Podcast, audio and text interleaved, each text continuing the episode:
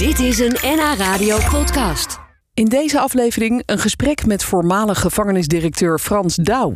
Hij werkte 40 jaar in verschillende Nederlandse gevangenissen, waaronder die in Herugewaard, en maakte in de jaren allerlei spannende dingen mee, schreef daar een boek over.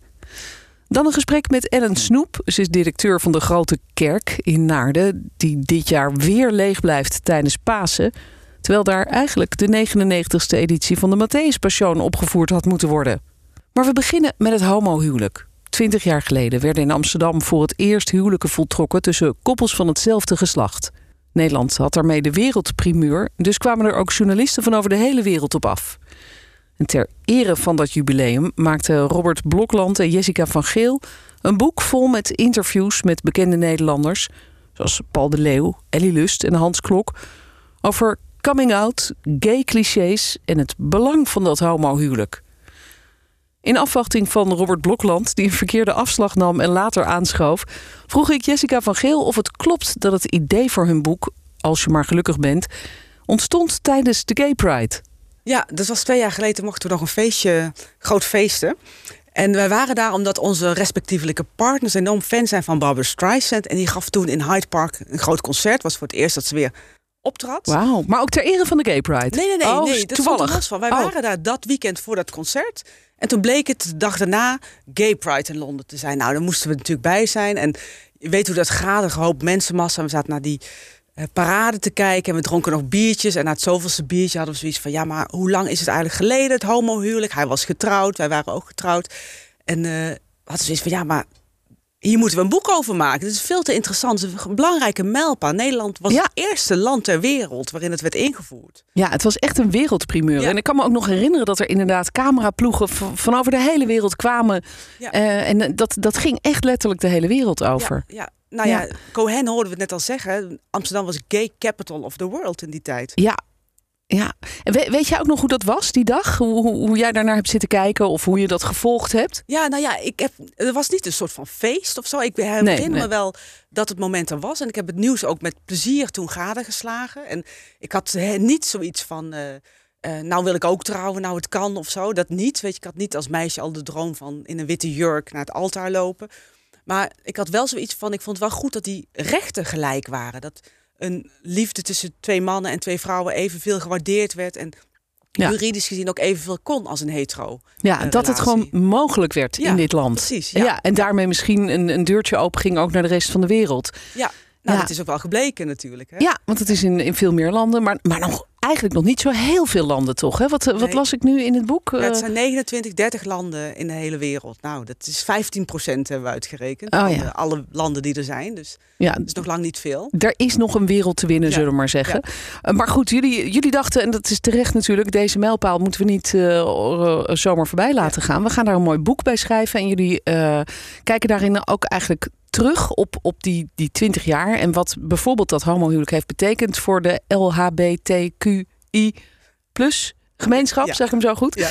Ehm, eh, en eh, wat, eh, hoe zou je dat samenvatten als je zegt van nou, hoe belangrijk is dat nou geweest hier in Nederland dat het, eh, dat het mogelijk werd om te trouwen? ja, volgens mij ontzettend veel. Want ze zeggen wel eens van er zijn drie fases in de homo-emancipatie. Dat begint al met dat homoseksualiteit niet meer strafbaar is. Dat was tot 71 zo. Toen had je dus eigenlijk met als mijlpaal het homohuwelijk... dat het juridisch de rechten gelijk waren voor homo's en hetero's. En nu zit je dan in de derde fase, zoals ze dat noemen... eh, waarin de emancipatie, dus de acceptatie door de maatschappij gewoon eh, heel belangrijk is. En je ziet dat de acceptatie ook groter is doordat je juridisch dit soort afspraken hebt kunnen maken. Ja, want dat betekent dat, je, dat, dat homostellen voor de wet gewoon gelijk zijn Ja. aan hetero-stellen. En, en dat is natuurlijk al een, een, enorm symbool in elk geval. Ja. Sowieso praktisch natuurlijk ook wel handig, maar, ja, absoluut. maar ook als boodschap naar de buitenwereld. Ja, absoluut. Ja, en, en ik vroeg me wel af, ik zat terug te denken aan die tijd. En, en Nederland als koploper, als wereldprimeur. Iedereen was daar super trots op dat dat hier ging gebeuren. Ehm, wij waren toch een soort eh, vooruitstrevend land wat dat betreft. Ehm, vind jij dat wij nog steeds voorloper zijn? Ja, Of- of moet er goeie, ja. Toch op het gebied van homo-emancipatie juist nu weer heel veel gebeuren? Ja, ik denk dat er nog zo ontzettend veel moet gebeuren. Ehm, we waren gay capital eh, van eh, de wereld in die tijd. Je had de gay games gehad. We hadden echt zoiets Oh ja, van de, de homo-acceptatie is compleet. Er waren zelfs geruchten dat COC wel kon worden opgedoekt. We waren klaar twintig jaar geleden. En nu nog, weet je, laatst ook dat nieuws in Gorkum met school. Ja, die, Eh, die, die kinderen verplichten eigenlijk om uit de kast te om- komen. ja, precies. Ja. En je ziet nog steeds eh, homo-haat. We hebben van al die twintig mensen die we hebben gesproken, in ieder geval de mannen hebben allemaal te maken gehad met, nou ja, een keer anti-homo-geweld. Dus het zit nog niet doorgedrongen in de haarvaten van de samenleving. Weet je wel, Ja, de ja. jeugd heeft ook heel makkelijk eh, woorden als homo of mietje, weet je wel, om elkaar uit te schelden. En daar bedoelen ze dan niks mee. Maar dat, dat, dat eh, wat Bas Heijnen dan in het boek noemt, dat er toch een subtiele discriminatie altijd nog in zit. Bijna onbewust eigenlijk. Ja. En dat is er nog steeds. Dus we zijn er nog niet. En wij hebben het nu, nu ook over het homohuwelijk. Terwijl het is eigenlijk officieel dan hè, de openstelling van het burgerlijk huwelijk voor paren van het gelijke geslacht. Ja, daar komt komt Robert binnen. Goedemiddag, Robert. Ga rustig zitten. Hij geeft uit. Ja. Goed dat je erbij Maar- bent. Ja. Dus die acceptatie is er wel, maar ook nog niet steeds volledig. We hebben het nog steeds niet over het gewone huwelijk, wat het eigenlijk natuurlijk is. Ja, het, het- we noemen het nog altijd een homohuwelijk. Ja, wij ook in het boek hoor. Ja, tuurlijk. Wat, Natuurlijk, wat het gaat juist daarover, over Ja. dat specifieke huwelijk. En, eh, eh, maar wat, wat merken jullie zelf bijvoorbeeld ervan? Dat die acceptatie toch nog eh, bij tijd en wijle ver te zoeken is. Ook al mag er dan getrouwd worden en, en staat er juridisch eigenlijk niks meer in de weg. Nou ja, wat, eh, wat, wij, wat voor ons vooral op is gevallen is de mensen met een andere culturele achtergrond. Hè? Surinaamse achtergrond, Antilliaanse achtergrond. Eh, we hebben eh Nasiri Bellarai geïnterviewd, Piet Woe. En daar zie je dat hun acceptatie binnen de familie, dat het echt een zeer groot probleem is. Die hebben echt op punt gestaan om familie te verliezen door hun coming out. Ja, En daar zijn, je bedoelt, dat zijn verhalen dat bij ons echt, echt als, als, als witte Hollanders zeggen, echt anders is. Maar goed, Ja, het is ook nou, zo, maar- niet alleen maar met een biculturele achtergrond. Ook als je kijkt nu naar de SGP. Die willen het homohuwelijk afschaffen. ja, ja. ja Eh, die zijn er altijd al tegen geweest. school, zeg maar, waar die kinderen uit de kast getrapt worden. net, ja. En iedereen heeft inderdaad ervaring met, met anti-homo-geweld, bijvoorbeeld op straat. Om, om nagejouwd te worden of zelfs aangevallen te worden. Ja. Dus Heb, nou, heb, heb jij dat zelf bijvoorbeeld wel eens meegemaakt? ik heb het één keer meegemaakt in een tram in Rotterdam. ja. Dat ik eh, door de tramsteward zeg maar, naar voren gehaald werd. Omdat een groepje jongeren mij mijn vriend gedag had zien zoenen. Oh ja. Ja, dus, dus, dus wat betekent dat in je dagelijkse praktijk? Durf jij dan nog je man eh, tegenwoordig? Nee. Want jij bent getrouwd, Nee. toch? Wij lopen nooit hand in hand. Nee? Omdat je gewoon geen martelaar wil worden. Je maakt een statement. Je moet er over zoiets simpels als hand vasthouden, moet je nadenken. En als je dat doet, dan kan je dus daarop aangesproken worden door mensen die het afkeuren. Ja. En ja, ik ga geen martelaar worden in dat opzicht. Ik ga geen heggeschaar in mijn bek krijgen. Daar heb ik geen zin in. Nee, nee. En je wil ook niet in de media komen van... kijk, daar heb je weer een geval van, eh van homogeweld. En eh, nou, hoe was dat? En we hebben het best goed hoor. Het is Ja. niet dat we dat ik bedoel, als je in Oeganda woont of Tsjetsjenië, dan heb je het een stuk minder eh, makkelijk dan gay, als gay, zeg maar. Ja, maar de, de vraag was die ik, die ik net stelde aan Jessica... van twintig jaar geleden waren wij voorloper. Wij waren vooruitstrevend met het homohuwelijk als eerste in de wereld. Dat zijn we niet meer. En nee, precies, dat was dus mijn vraag. En eh, jij vertelde ook net dat dat inderdaad toch wel wat onder druk is komen te staan. Eh, wat merk jij daarvan? Want ik kan me voorstellen dat misschien mannen op straat die zoenen, dat die vaker te maken krijgen met agressie dan als vrouwen bijvoorbeeld hand in hand lopen. Ik weet niet of dat echt zo is, maar hoe, wat merk jij bijvoorbeeld in jouw privéleven? Ja, ik merk eigenlijk zelf niet zoveel van, van weerstand of zo. Ik bedoel, ik ben getrouwd met Claudia de Breij, dus ik loop ook met een, iemand rond van wie duidelijk is dat het een bekende Nederlander is. En dat Oh, ze ja. dus van de vrouwen is, zeg maar. Dus ik hoef dat in die zin nooit uit te leggen of zo. Wij zijn Ja, misschien is dat stel. sowieso anders. En dat mensen Ja. sowieso al anders kijken. Dat ze meer kijken, hé, hey, daar loopt Claudia de Breij. Dan dat ze denken, er lopen twee vrouwen hand in hand. Ja, ja, dus maar ik heb, ik heb voor Claudia ook vriendinnen gehad, moet ik toegeven nu. Maar eh, daar liep ik ook gewoon mee hand in hand. En dan merk je van, mensen vinden dat, weet je af en toe krijg je gefronste wenkbrauwen of zo. Maar die agressie die mannen krijgen, die is er echt niet. Het Nee. enige wat je dan wel krijgt toen ik nog jong was, dat ze dan, dat mannen dan wel eens konden zeggen van, oh mag ik meedoen? Weet je, Oh. als je afscheid stond te nemen of zo. Ja, ja. Dat soort opmerkingen. Maar echt dat fysieke geweld, dat heb ik echt niet meegemaakt. Nee. Nou goed, eh, er is wel nog een wereld te winnen. Dat, dat is ook heel duidelijk als je het boek leest. En misschien helpt jullie boek daar ook wel bij. Want jullie hebben dus twintig bekende Nederlanders gesproken over hun leven. En wat zij in de dagelijkse praktijk meemaken. Maar dat gaat helemaal niet alleen maar over eh, anti-homo-geweld of de problemen. Maar juist over, nou ja, de, over eigenlijk alle facetten van het leven. hè. De- Ja, het ging ons juist over zichtbaarheid. En we hebben heel lang gediscussieerd over wat voor soort boek willen we nou maken. En we wilden niet een formeel boek maken met allemaal van hoe is de geschiedenis en hoe zit de regelgeving nu. We wilden gewoon zichtbaarheid creëren. Van laat nou eens zien hoe homo's, lesbisch, eh, eh, biseksuelen in het leven staan. En hoe ze hun leven doen. Hoe gaan ze met de liefde om, met hun familie, met Ja. kinderen in hun relaties. En door dat gewone te vertellen, proberen we nou ja, een heel breed scala aan verschillende levens te laten zien.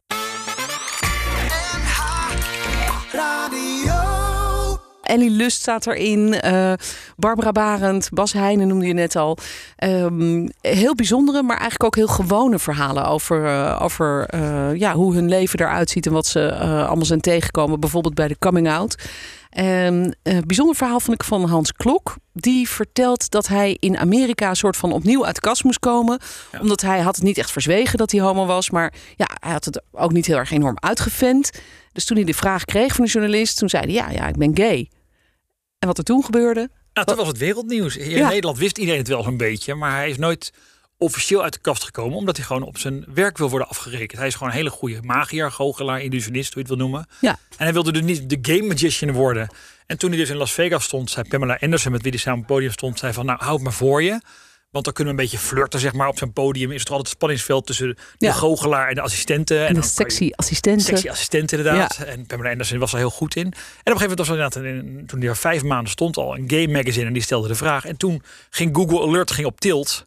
Want de hele wereld, echt letterlijk in alle, op alle continenten was het opeens nieuws dat eh, Hans Klok, die met Pamela Anderson samen op het podium stond, gay was. Ja, En toen gebeurde eigenlijk wat hij zijn hele leven had geprobeerd te voorkomen. Namelijk dat hij de gay magician werd. Ja, die- hij wilde gewoon bekeken worden als illusionist en niet als de gay illusionist. En dat is eigenlijk iets wat, we, wat ik vaker in het boek zie terugkomen: eh, hè, dat, dat homoseksualiteit niet je identiteit is. Dus Ja. dat het daar niet over zou moeten gaan of zo. Maar dat gebeurt dus blijkbaar wel. Dus Bas Heijnen zegt het ook, dat is volgens mij ook de kop van het verhaal van... eh, eh, ehm, ik identificeer mezelf niet als homoseksueel, maar ik word geïdentificeerd als homoseksueel. En ik merk het zelf ook van, als jij in gesprek met, met nieuwe mensen gaat, met nieuwe vrienden gaat... en je zegt dan van, ja, ik ben samen met een vrouw en ik ben lesbisch... dan, dan keer je het verhaal gelijk. Hè? Van dan, denken, dan denken mensen gelijk in clichés. En ik merkte zelf ook met eh, de, al die interviews die we hebben gedaan... van je hebt zelf ook nog, of ik, laat ik bij mezelf houden... ook nog impliciete vooroordelen van... Ja, zoals? Nou ja, eh, ik dacht, als homomannen naar sauna's gaan, naar gay sauna's gaan, dan hebben ze seks. Maar ze gaan er dus ook heen voor een goed gesprek en gewoon vrienden maken. ja, ja. Maar dat soort, Ja, eh, hoe Grindr werkte, wist ik helemaal niet. Of, eh, of hoe, weet je wel, die, die, de oude garde, die heel die AIDS-epidemie nog over zich heen hebben gehad, weet je wel. Die enorme ellende van hoe die wereld toen echt in elkaar zat. ja. Dat wist ik ook niet. Had ik Ja. ook allemaal van die Of biseksuelen, waarvan mensen dan van Ja. denken, als je een relatie hebt, dan moet je die andere kant van jezelf ook bevredigen. En moet je dus vreemd Dan heb je dus altijd een relatie ernaast nodig. Ja, terwijl, terwijl er ook ja, Do- bij Doof van Dijk gesproken, eh, de zoon van Loes impliciete zoon. En die zegt van, nou ja, als ik een relatie heb, ben ik monogaam. En als ik daarna, als daarna uitgaat, dan ga ik die andere kant enorm eh, compenseren. Ja. Dat wel. Maar niet elke homo is gelijk eh, niet monogaam, zeg maar. Hoewel Nee, het wel nee, nee. een stereotype is wat aan ons kleeft. Ja, precies. En, en omgekeerd staat er in het boek eigenlijk dat het eh, stereotype van eh, de lesbische stellen is dat die altijd binnen een week ongeveer gaan samenwonen en met de kat op de bank gaan zitten. Ja, ja, ja. ja. Waar komt dat nou vandaan? Samenwonen. Ja, geef maar Ja, toe. ja, ja, cliché, ja, clichés zijn op zekere hoogte natuurlijk ook wel waar vaak. Ja. Het is ook wel zo. Maar ja, het is wel heel erg doorgedreven natuurlijk. En de homomannen staat ook niet altijd in een roze string op de gay pride. Nee. Of thuis. Die beeldvorming thuis. heeft ook heel veel gedaan hoor. Want Ja. het eh, Ja, dat is natuurlijk ook zo. Die gay pride is natuurlijk heel belangrijk. is ontzettend belangrijk. Alleen je ziet heel vaak in die, in die beelden toch weer die ene blootboot terug. Terwijl het zijn 80 boten, dus één boot met blote billen. En die zien we Volkskrant allemaal. volgens mij eh, twee jaar geleden geturfd werkelijk waar hoeveel procent van de mensen op de boten in een string stond. Het was 0,001 procent. Het ging echt om drie mannen. Ja, maar het- ze zeggen toch ook dat het heel veel braver is geworden. Want ik kan me herinneren dat eh, een editie van eh 15 jaar geleden, bij wijze van spreken, dat het ook wel veel meer bloot was dan tegenwoordig. Omdat er misschien ook allemaal van die bedrijfsboten meevaren, waar natuurlijk allemaal collega's uh, En het is ook niet erg dat, dat, dat, die groep mannen. Is. Als jij gewoon lekker in een string wil gaan staan, moet je dat ook gewoon kunnen doen. Ja. En dan ja, leven en laten leven lijkt me. Ja, Ehm, zeker. Even maar er zijn, er titel. meer smaken. Ja, zo is het. En dat, dat blijkt ook duidelijk uit dit boek. Ehm, de titel is Als je maar gelukkig bent. En toen dacht ik, is dat iets wat, wat, wat je veel te horen krijgt als, als je vertelt dat je homo bent, bijvoorbeeld aan je ouders of zo? Of, of... Ja, ja, absoluut. Dat is wat we echt van de meeste mensen. Nou ja, vijf, zes mensen. mensen. hebben zeker dat gezegd van dat dat het antwoord van hun ouders was. Dan kwamen ze uit de kast gekomen en dan kregen ze van oké, we houden van je als je maar gelukkig bent. En ouders bedoelen dat ook, of hebben dat ook allemaal heel lief bedoeld. Ik heb het zelf ook te horen gekregen. Maar wat deed dat met jou toen je dat hoorde? Nou, ik vond dat alleen maar lief. Ik bedoel, je, gaat het, ja. bedoel, je zit zo onder spanning. Je bent dan blij dat ze, dat ze niet boos worden of wat dan ook. Dus het is heel een mooie acceptatie. Maar als je er later over nadenkt, dan is het ook een volwaardelijke uitspraak Mhm. eigenlijk. Hè? Van, het is meer wat je zegt tegen een jonge jongen die op balletles wil. Of een, meisje wat op Mhm. motorcrossen wil. Eh, van oké, jij wil dat, dat is vreemd. Maar als jij maar Ja. gelukkig bent, dan mag je het doen. Weet dat je is het. Ja. het. Het is een beetje vreemd. Maar ja, als jij hier nou gelukkig van wordt, dan moet je dat dan maar zo kiezen. Precies. Ja, zoiets. Zit, ja, ja. zit, Dat impliciete Maar- zit er weer bij. Maar het is niet zo bedoeld natuurlijk. Nee. Eh, En tegelijkertijd je- Althans, meestal niet natuurlijk. Ja. Wat, wat, wat, wat ik ook bij moet zeggen, zeg maar, als ouders moet je natuurlijk ook wennen. Want jij eh, voedt je kinderen heteronormatief op. Dat is logisch, want maar 1 op de 15 mensen is niet hetero. Ja. Dus als je als kind naar je ouder toestapt en zegt ik ben anders, dan moeten die ouders er ook aan wennen. Zo van, er wordt waarschijnlijk geen, geen opa en oma. Of misschien zijn ze bang voor je. Dat je denkt van, Ja, mijn of- zoon of dochter krijgt het moeilijker. Omdat Ja. het toch nog een probleem is vaak. Dat wou Eh, ik net zeggen. Dat kan ik me nog voorstellen. Dat je Dus je die zorg hebt ook van wat coming voor, wordt het wel een makkelijk leven. Inderdaad. Van dat je als ouder ook een, die coming out hebt en dat ook hen moet gunnen. Dat vond ik heel mooi. Dat Mooi, ze hè? dat zei. Ja. Ja, Goed, nou, er staan heel veel bijzondere, mooie en ook gewone verhalen in, eh, in jullie boek. Als je maar gelukkig bent. Eh, tot slot, morgen om eh, middag om 12 uur zag ik, heeft het Humanistisch Verbond een soort actie georganiseerd bij het Homo Monument. Eh, omdat ze ook zeggen, er, kan nog wel, er is nog wel wat werk aan de winkel. eh, meeouderschap inderdaad. Dat moet nog geregeld worden. ja, precies. Ehm, gaan jullie morgen op die dag dat het 20 jaar geleden is dat de eerste homo-huwelijken werden voltrokken, gaan jullie nog iets doen? Nou, we hadden een grote lanceringsfeestje met een enorme taart in gedachten. Waar allemaal knappe jongens uit zouden springen Ja. en zo. Maar dat, corona hè, helaas. Al die Nou. BN'ers zouden komen en we zouden echt eh, heel Carreza vol zitten. Maar dat is eh, Nee. Nou, voor een later moment helaas. Ja, misschien een ander moment. Het boek is er in elk geval. Dank dat jullie hier waren. Jessica van Geel en Robert Blokland. Oud-gevangenisdirecteur Frans Douw werkte 40 jaar in verschillende gevangenissen door het hele land en schreef een boek over zijn ervaringen. Hij was onder andere de baas van de Bijlmerbaaiers en maakte van alles mee. Van gijzelingen en ontsnappingen tot verboden liefdes tussen bewakers en gedetineerden. In de gevangenis in Zwaag en Heerdegewaard probeerde hij met moestuinen voor gevangenen en een afdeling zonder personeel voor een menswaardige detentie te zorgen. De titel van zijn boek, Het zijn mensen, zegt veel over hoe hij naar anderen kijkt. Dus eh, niet alleen naar de gedetineerden, maar ook naar eh, collega's en naar nabestaanden en mensen die slachtoffer zijn van geweld. Zo wil Ja. ik eigenlijk wel naar mensen kijken. Ja, nou al die gevangenissen, zat ik te kijken waar jij, eh, waar je werkte, die zijn zo'n beetje dicht tegenwoordig. Ja, Of, of zelfs gesloopt. Dat, is- dat is ook wel gek natuurlijk. Waar heb jij de beste herinnering aan? Wat was nou echt jouw plek dat je dacht, ja, daar kwam alles samen wat ik wilde? Dat is wel heel erg moeilijk, want ik heb, het, ik heb het overal heel erg leuk gevonden, moet ik wel zeggen. Ehm, goh, dat is wel lastig. Nou, daar komen we er straks op terug. Ja, Zullen we dat doen? Dan praten we eerst even over, over jouw boek. eh, dat, dat begint, eh, dat vind ik ook wel interessant, met eigenlijk een beschrijving van jouw eigen jeugd. Ja. Hoe jij was als, als jonge jongen. Ehm, jij werd eh, van verschillende scholen gestuurd. Je, je stal fietsen. Je schrijft dat je, je ging heel vroeg morgens op de markt werken. Je ging met allerlei best wel ruige types soms om. Voelde jij je thuis in dat wereldje? Nou, ik, ik had er in ieder geval, ik werd er heel erg door gefascineerd. En ik, eh, het lukte me ook wel op mijn plek daarin te vinden. Eh, ik ben kennelijk iemand met een vrij stevige basis. Die heb ik van huis uit meegekregen.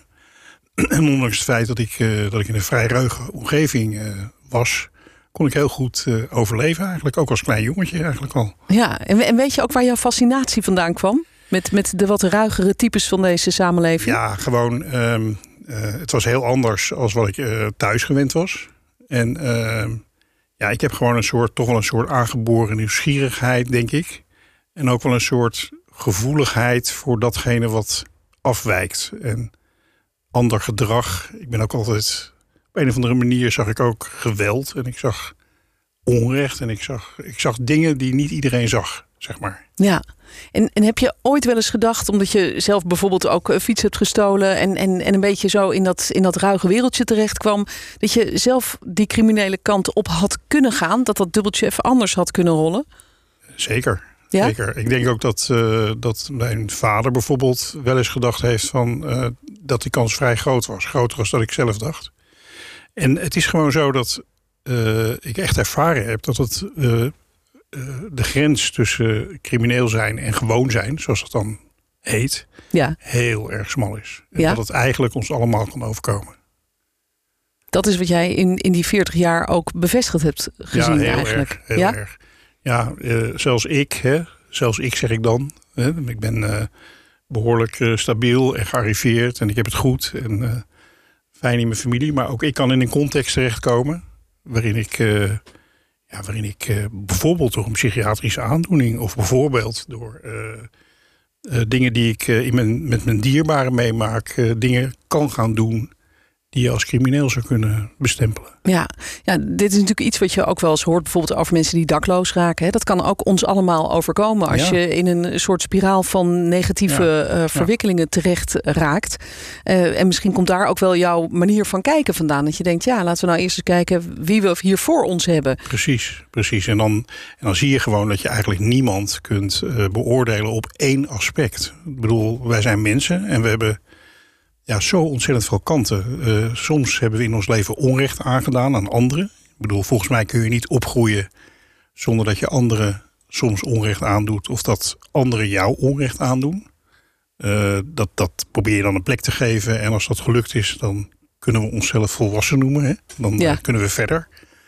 Maar het is des mensen om daarmee te maken te hebben. En ja, het zit in ons allemaal. We hebben allemaal een donkere kant en een wat positievere kant. En ehm, ja, in die zin eh, ervaar ik los van het delict, Mhm. eh, eh, wat vaak heel afschuwelijk is. Hè? Ik beschrijf er een paar in mijn boek. Ehm, ja, is er niet echt veel verschil tussen mij en, en de mensen die in de gevangenis zitten. Ja, maar, maar lukt het jou om, lukte het jou als, als directeur of als medewerker van die gevangenissen om de persoon los te zien van het delict? Want je, je beschrijft inderdaad op een gegeven moment bijvoorbeeld een man, een echt vreselijk verhaal die zijn, zijn stiefstoontje eh, dusdanig ja, mishandeld heeft dat het kind is overleden, volgens mij Ja. ook. En eh, dat je vervolgens met hem in het volleybalteam zit. Ja. Toen dacht ik, ja, het lijkt me, dit lijkt me toch zo ingewikkeld. Hoe, hoe doe je dat, die twee dingen? Want je, je, zijn daad veroordeel je natuurlijk. Ja. Daarom zit hij ook gevangen. Nou, dat vond ik afgrijzelijk. Ik bedoel, ehm, ik, ben, ik, ik zit hier niet en ik heb het boek ook niet geschreven om op wat voor manier dan ook een excuus eh, te vinden voor geweld. Nee. Dat, is, dat vind ik gewoon afschuwelijk, geweld. Zeker als het om dit soort sadistisch geweld gaat. Zeker als het om een kind gaat. Vreselijk, vreselijk. Ehm, maar ik heb wel echt geleerd om onderscheid te maken tussen wat iemand doet en de persoon die die is. Ja? Zeg maar. Kan dat echt? Kun jij tegenover iemand staan en weten wat hij gedaan Ja. heeft? En toch denken, maar goed, als ik, eh, verder is het een aardige man. Of eh, verder deugt hij wel. Ja, zeker. Ja? Zeker. Ja, heel erg zelfs. Dat lukt me, lukt me eigenlijk heel erg, eh, heel erg goed. Maar ben jij dan zo'n soort positief denker? Dat je in iedereen het goede ziet? Of, of, Nou, of ik kun ben, je die ik ben- scheiding... Ik ben, inderdaad ook wel een positieve denker. Dat ben ik ook wel. Maar ehm, eh, het is echt zo dat eh, eh, het niet zo is dat. Kijk naar jezelf bijvoorbeeld. Hè? Je kunt soms iets heel naars doen. En iemand kan je verschrikkelijk vervelend vinden. Of iemand in je omgeving waar je een- echt een hekel aan hebt. Ja. Ehm, ja, wat je dan ervaart is dat die hekel die je hebt, het zegt vooral iets over je eigen angst en over je eigen boosheid of je eigen allergie voor bepaald gedrag. Dat zegt heel erg veel over jezelf. Ik denk dat het heel erg helpt als je datgene wat het bij jou oproept onderzoekt als iets wat voor jezelf is. Is dit wat dan- jij ook zelf gedaan hebt, zo bewust? Zeker, zeker. dat heb ik heel erg, eh, heel erg bewust gedaan. En eh, dan ontdek je, tenminste dat is mijn ontdekking geweest, dat, eh, dat als je naar je eigen pijn gaat en je eigen issues als het ware daar de confrontatie mee aangaat, dat je dan in staat bent om Mhm. ook inderdaad op die manier te gaan kijken. En Ja. Ja, dat, dat maakt je misschien milder, dat kan ik me voorstellen. Je kijkt daardoor misschien met een, een, een ander soort blik. Maar dan nog, je zei net ook van... Ik, ik heb altijd een heel sterk gevoel van rechtvaardigheid gehad. Ik kan niet Ja. tegen onrecht als mensen iets wordt aangedaan. Nou ja, als we het hebben bijvoorbeeld over zo'n klein jongetje... wat zo mishandeld wordt... dan is, ligt jouw gevoel van rechtvaardigheid toch volledig bij dat jongetje. En kan ik me voorstellen dat het heel lastig is om dan te denken... die man die dat kind zo mishandeld heeft... daar ga ik toch eh, weer met een frisse blik naar kijken... en zien wat ik daarvoor ja. positiefs in zie. Ik vind dat heel knap hoor. Ik zeg het niet als, Nou, als oordeel, niet- maar ik, ik vraag me gewoon af hoe dat werkt. Het heeft iets te maken met ook een bepaald besef. Kijk, eh, wat we eh, in onze samenleving, in ons leven, gebeurt er ontzettend veel geweld. Ja. Ik bedoel, dit zijn hele extreme gevallen. Maar als je in een gemiddelde straat in een wijk kijkt, ook de straat waar jij woont, je zou achter de muren kunnen kijken, dan zie je allerlei situaties die buitengewoon naar zijn. De- Ja, dat geloof ik blijkt ook, ja. Dat dat gewoon, Ja, huiselijk geweld komt heel veel voor. Ja, dus dat is, het is gewoon onze werkelijkheid. En daar Mhm. kan je je ogen voor sluiten, in afschuw. Of je kunt, en dat is iets wat ik gewoon, ja, ook door mijn werk natuurlijk geleerd heb, zeggen van dit is onze werkelijkheid. ja. En daarom is het voor mij ook heel goed mogelijk om ehm, eh, en te weten wat iemand gedaan heeft. En, en te beseffen dat dat gewoon iets is wat tot de realiteit behoort. ja. En ook te kunnen kijken naar andere kanten van iemand. Ja, en, en waarom vind je dat belangrijk? Want, want dat is wat je, waar je boek heel erg over gaat. Hè? Waarom jij vindt dat het belangrijk is om ook op Ja. die manier naar die mensen te kijken. Ja, en niet ik- alleen maar te denken van nou, die heeft, is een mishandelaar.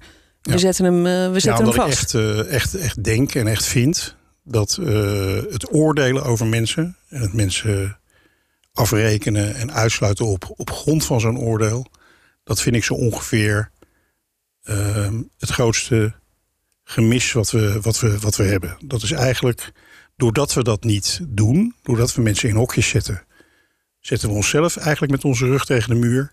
Want eh, ja, als je eenmaal een oordeel hebt, dan heb je geen bewegingsruimte meer. En de, Ja. an- en de ander ook niet.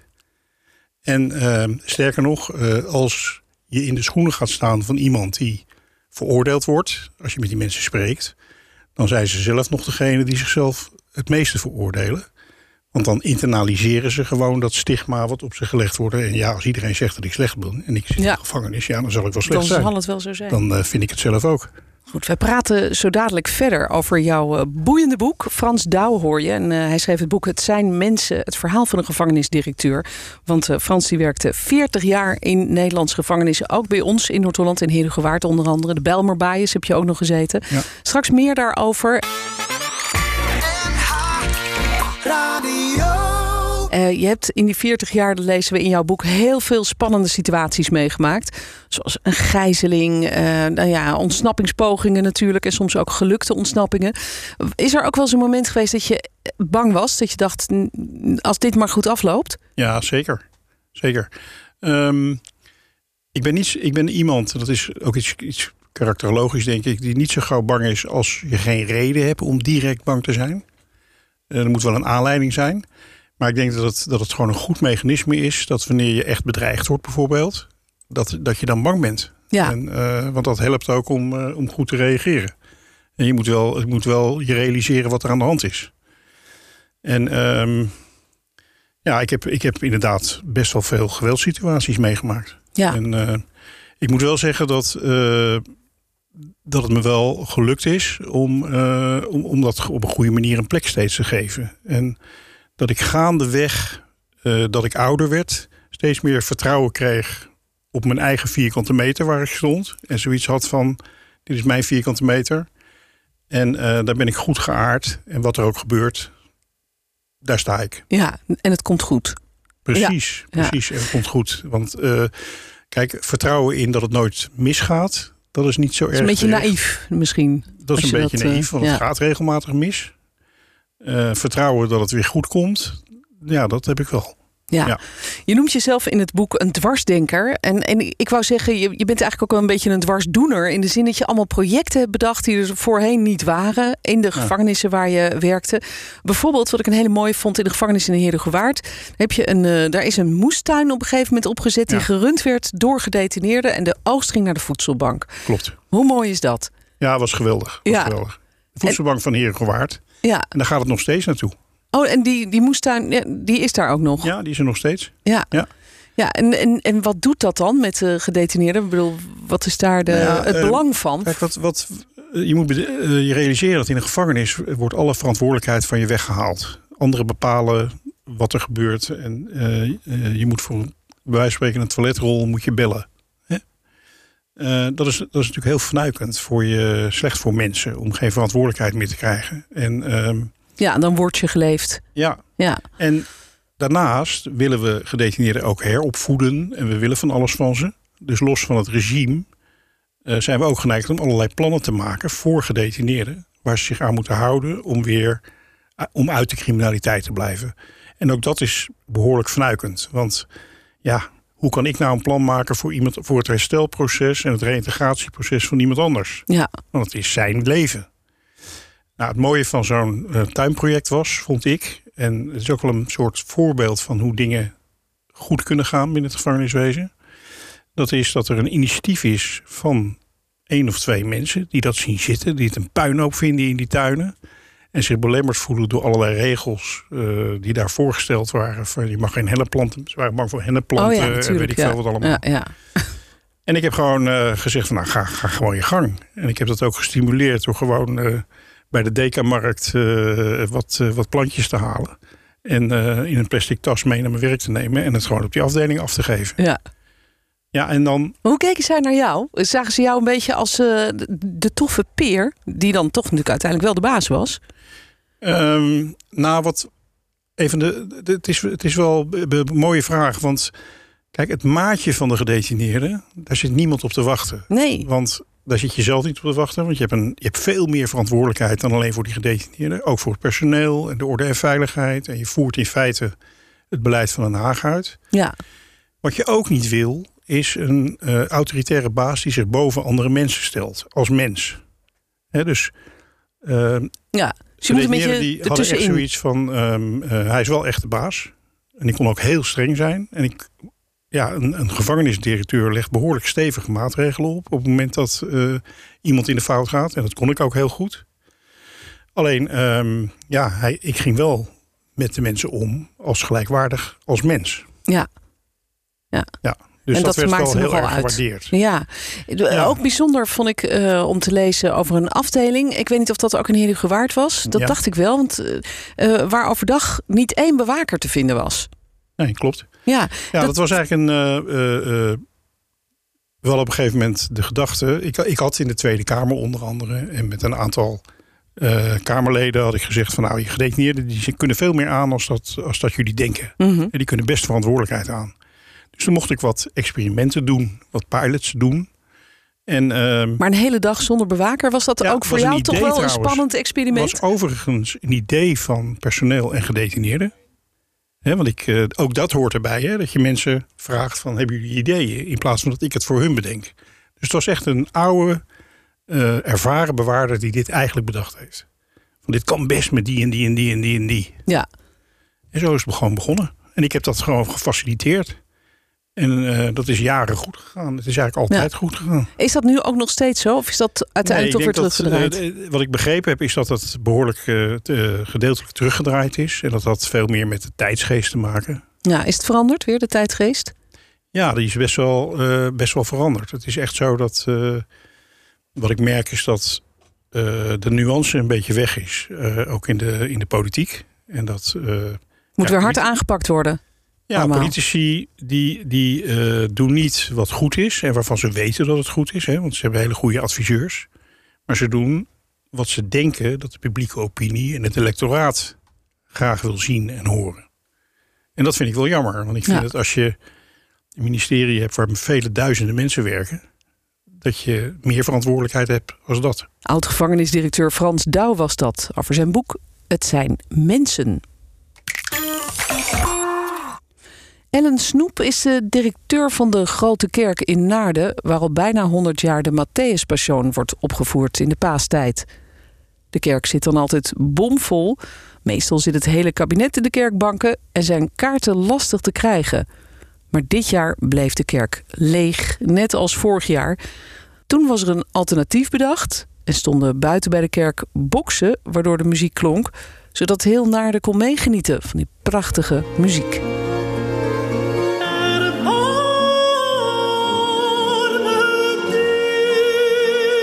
Muziek van Bach, Matthäus Passion. In de grote kerk in Naarden is dat normaal gesproken natuurlijk de drukste tijd van het jaar. Maar net als vorig jaar gaat die Matthäus Passion ook nu weer niet door vanwege de coronamaatregelen. Ja, dat is natuurlijk ontzettend jammer. Het is echt een uh, grote teleurstelling. Uh, ja, we hebben normaal gesproken het hele jaar door evenementen. Maar uh, de Matthäus is wel echt een historisch hoogtepunt. Ja. Waar we ook als organisatie samen met de Nederlandse Bachvereniging echt naartoe leven. Dus ja, dat is gewoon stilletjes nu ja. in de passietijd. Ja, ja, dat kan ik me voorstellen dat dat heel gek is. En jij bent begin 2019 gestart als directeur bij de Grote Kerk. Dus heb je eigenlijk maar één keer nog de normale uitvoering meegemaakt in vol ornaat met, met alles erop en eraan.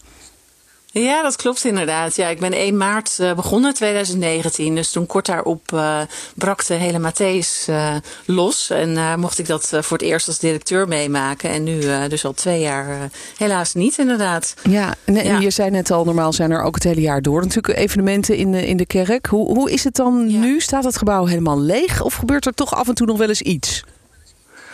Um, nou, gelukkig gebeurt er af en toe nog wel iets. En uh, we zijn wel met allerlei dingen achter de schermen bezig om te zorgen dat het gebouw er helemaal piekfijn uitziet en bijstaat als uh, we weer voor uh, bezoekers open mogen. En uh, afgelopen week ja, leek het wel eigenlijk even van ouds druk, omdat we opnames hadden van de Johannespassion door de Bachvereniging. Ja, daar, gaan we het zo nog uitgebreid over hebben. Um, maar de, die, die Matthäuspassion van dit jaar, de, de grote uitvoering in de kerk, die gaat dus niet door. hoe, hoe, wat hoor jij van bewoners rondom de kerk of inwoners van Naarden sowieso? Zijn die ook teleurgesteld dat het voor de tweede keer achter elkaar niet doorgaat? Ja, ik denk dat de bewoners het ook wel echt missen. De reuring in het stadje, inderdaad. Het is natuurlijk al, uh, al een heel aantal jaar uh, echt iets waar we met z'n allen naartoe leven. En de bewoners zijn ook wel onderdeel uh, van de traditie. En ja, je moet je voorstellen dat er zes dagen concerten zijn waarbij er 1750 bezoekers per keer komen. Zo. En naar de vesting heeft 1500 inwoners. dus in één keer hè, lopen er twee keer zoveel mensen op straat. En nou, de horeca speelt er ook op in met speciale Matthäus menus. En ah, ja ja, de, de, de muzici lopen natuurlijk ook om de kerk. En het is echt een, uh, ja, een, een, drukte van belang. En uh, ja, dat, dat is voor de bewoners ook iets belangrijks. Hè. Er staan ook gedichten op een aantal muren over de Matthäus. Dus het, het hoort echt wel bij naar de vesting. Dus ja, ja dat wordt wel gemist. Ja, ik kan me herinneren dat dat vorig jaar ook op een bijzondere manier tot uiting kwam. En toen hadden de bewoners een soort initiatief bedacht. geloof ik om, wat is ook om de boksen buiten te zetten of zo? Ja, dat was echt waanzinnig mooi inderdaad. Want het was toen natuurlijk, uh, ja, we zaten net in die eerste lockdown. En uh, het was, wij zaten allemaal nog ook heel veel binnen. En het was heel stil op straat. En ja, die Matthäus ging dan voor het eerst ook niet door. En uh, toen dachten twee bewoners van nou, laten we dan het initiatief nemen om dan het Erbarmendicht. Dat lieten jullie net ook horen. Dat is een van de meest bekende en ook wel ontroerende aria's uit de Matthäus. Om dat dan allemaal tegelijk aan te zetten. En de ramen open te zetten en de deuren en op die manier toch een beetje Matthäus nog in de vesting uh, te hebben. Ja, dus, mooi. Ja. ik, echt super mooi. Ja, ja, ik, ja. Heb een, ik kan een klein stukje daarvan laten horen. Ik zat even te zoeken. En... Oh, leuk. Ik heb nog een fragmentje daarvan. Zo klonk het toen op straat.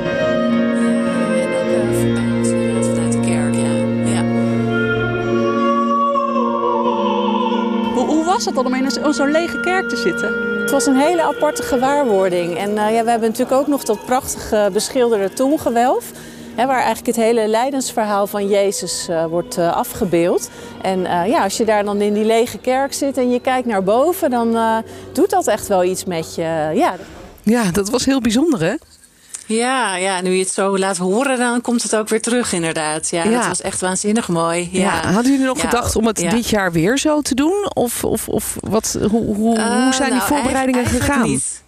Ja, nou, we hebben eigenlijk niet gedacht van laten we dat dit jaar weer doen. Want het was vorig jaar zo mooi. En uh, ja, dan moet je dat ook een beetje zo, zo laten, vind ik dan altijd. En niet nog een keertje hè, gaan overdoen.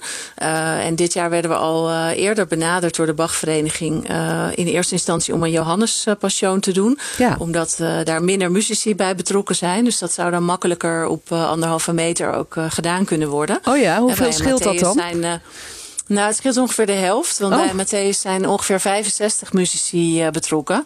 En als je die op anderhalve meter in de kerk moet, moet opstellen, dan hou je weinig ruimte over hè, voor het publiek. Dus het, uh, in eerste instantie gingen we er natuurlijk een beetje voorzichtig van uit. Of hoopten we in ieder geval dat we wel publiek uh, zouden mogen ontvangen. Maar ja, nu bleek natuurlijk dat dat uh, niet zou gaan uh, lukken. Dus uh, toen is het een, ja, eigenlijk door de Bachvereniging in samenwerking met de NTR is het een een uitzending geworden. En daar hebben we afgelopen week zijn we daarmee bezig geweest. Dus met de opbouw daarvan en twee opnamedagen. En dat wordt vanavond om kwart over zeven wordt dat uitgezonden. Dus dan bieden we toch nog een uh, ja, hoe zeg je dat? Inclusieve beleving van de Matthäus. Ja, dat is te dus zien. Dat is wat we, wat we dit jaar dan uh, te bieden hebben. Ja, we praten er zo nog even over verder. Dan uh, kun je vertellen hoe dat ja. gegaan is met die opnames.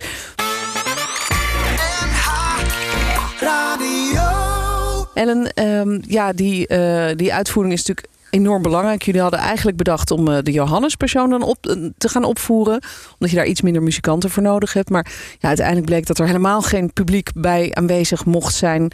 En toen dachten jullie, we gaan het, uh, we gaan het opnemen voor tv. Dat is vanavond te zien. Maar hoe is dat gegaan? Want dat, dat is natuurlijk wel weer heel gek. Want toen was opeens de kerk weer decor van allemaal drukke toestanden en zo. Ja, precies. Nee, dat was uh, een heel ander beeld dan wat we de afgelopen maanden hebben gehad. Waarin dus eigenlijk helemaal niks uh, gebeurde verder aan evenementen. Dus wij, wij, hebben er allemaal ontzettend van genoten.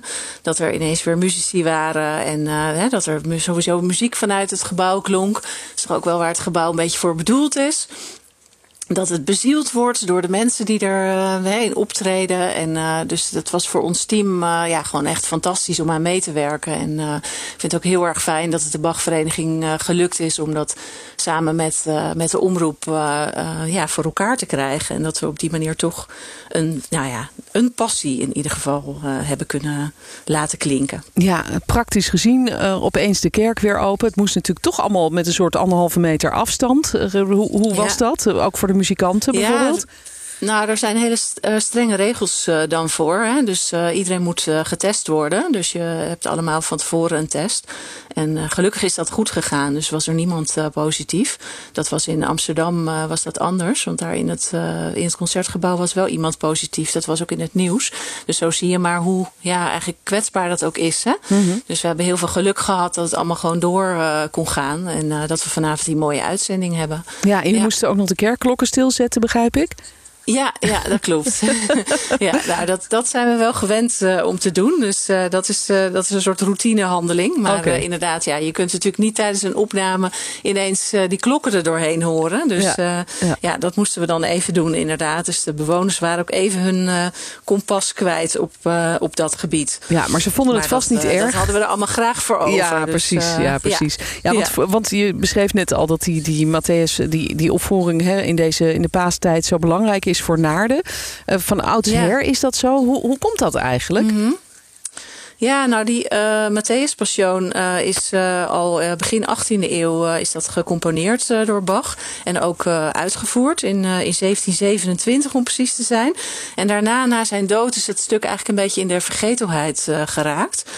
maar later is het weer herontdekt in de 19e eeuw. En toen werd er eigenlijk een soort van trage, massale productie van gemaakt. Met, heel, met een heel groot orkest. En soms werd het ook in, in, in delen gespeeld en niet integraal. En er er was in Grote Kerk Naarden een organist. Dat was Johan Schonerbeek. En die vond uh, dat de muziek eigenlijk weer terug moest naar hoe Bach het bedoeld had. He, dus als, ook als religieuze muziek in een kerkgebouw. En gewoon ja. integraal gespeeld met originele bezetting. Uh, en toen heeft Johan Schonebeek in 1921 de Bachvereniging opgericht. Samen met een aantal andere ja, vernieuwers eigenlijk in die tijd in de uh, klassieke muziek. En in 1922 is toen voor het eerst de Matthäus dus uh, integraal opgevoerd in Grote Kerk Naarden. Oh, dus, dus dat vandaar is... dat de ja. ja. vandaar dat de Bachvereniging en de Grote Kerk ook zo hè, en, en die Matthäus, dat is, dat is echt iets zijn. wat, wat ja. verbonden is. Maar en in de dus... kerk is bijvoorbeeld ook een. Oh, ja. ja. Nee, in de kerk is nee, ook. in de kerk is, is een plaquette van uh, Johan Schonebeek uh, ook gemaakt, waarin hij wordt herdacht, zeg maar. Dus ja. Uh, ja. Maar het is dus 100 jaar geleden nu dat de Bachvereniging werd opgericht daar. Dus dat ja, is eigenlijk klopt. een bijzonder jubileum. En dan, dan kunnen ze hem niet opvoeren. Maar volgend jaar, 2022, dan is het dus 100 jaar geleden dat voor het eerst die Matthäus in Naarden uh, met de Bachvereniging werd uitgevoerd. Dus dat is Ja. ook een soort kroonjaar. Eh, Zijn die al plannen aan het maken Zeker. daarvoor? Want misschien, Ja, ah, ik ga er toch vanuit dat we dan allemaal weer eh, gewoon eh, in de kerk mogen zitten en, en bij concerten mogen zijn. Ja, dat hopen wij ook inderdaad. En uh, we hebben zeker daar allemaal plannen voor. En uh, we hebben ook uh, met elkaar gezegd van nou, volgend jaar gaan we echt knallen. Hè, dus dan maken we er een heel mooi jubileumjaar van. En dan kunnen we ook een beetje ja, goed maken dat we toch twee jaar geen, geen Matthäus hebben gehad in de kerk. Dus, ja. ja, dus dat wordt echt iets om naar uit te kijken. Ellen Snoep hoorde je, de directeur van de Grote Kerk in Naarden. Dat was het voor deze week. Volgende keer weer veel meer. Dit was een NH Radio podcast. Voor meer, ga naar nhradio.nl NH Radio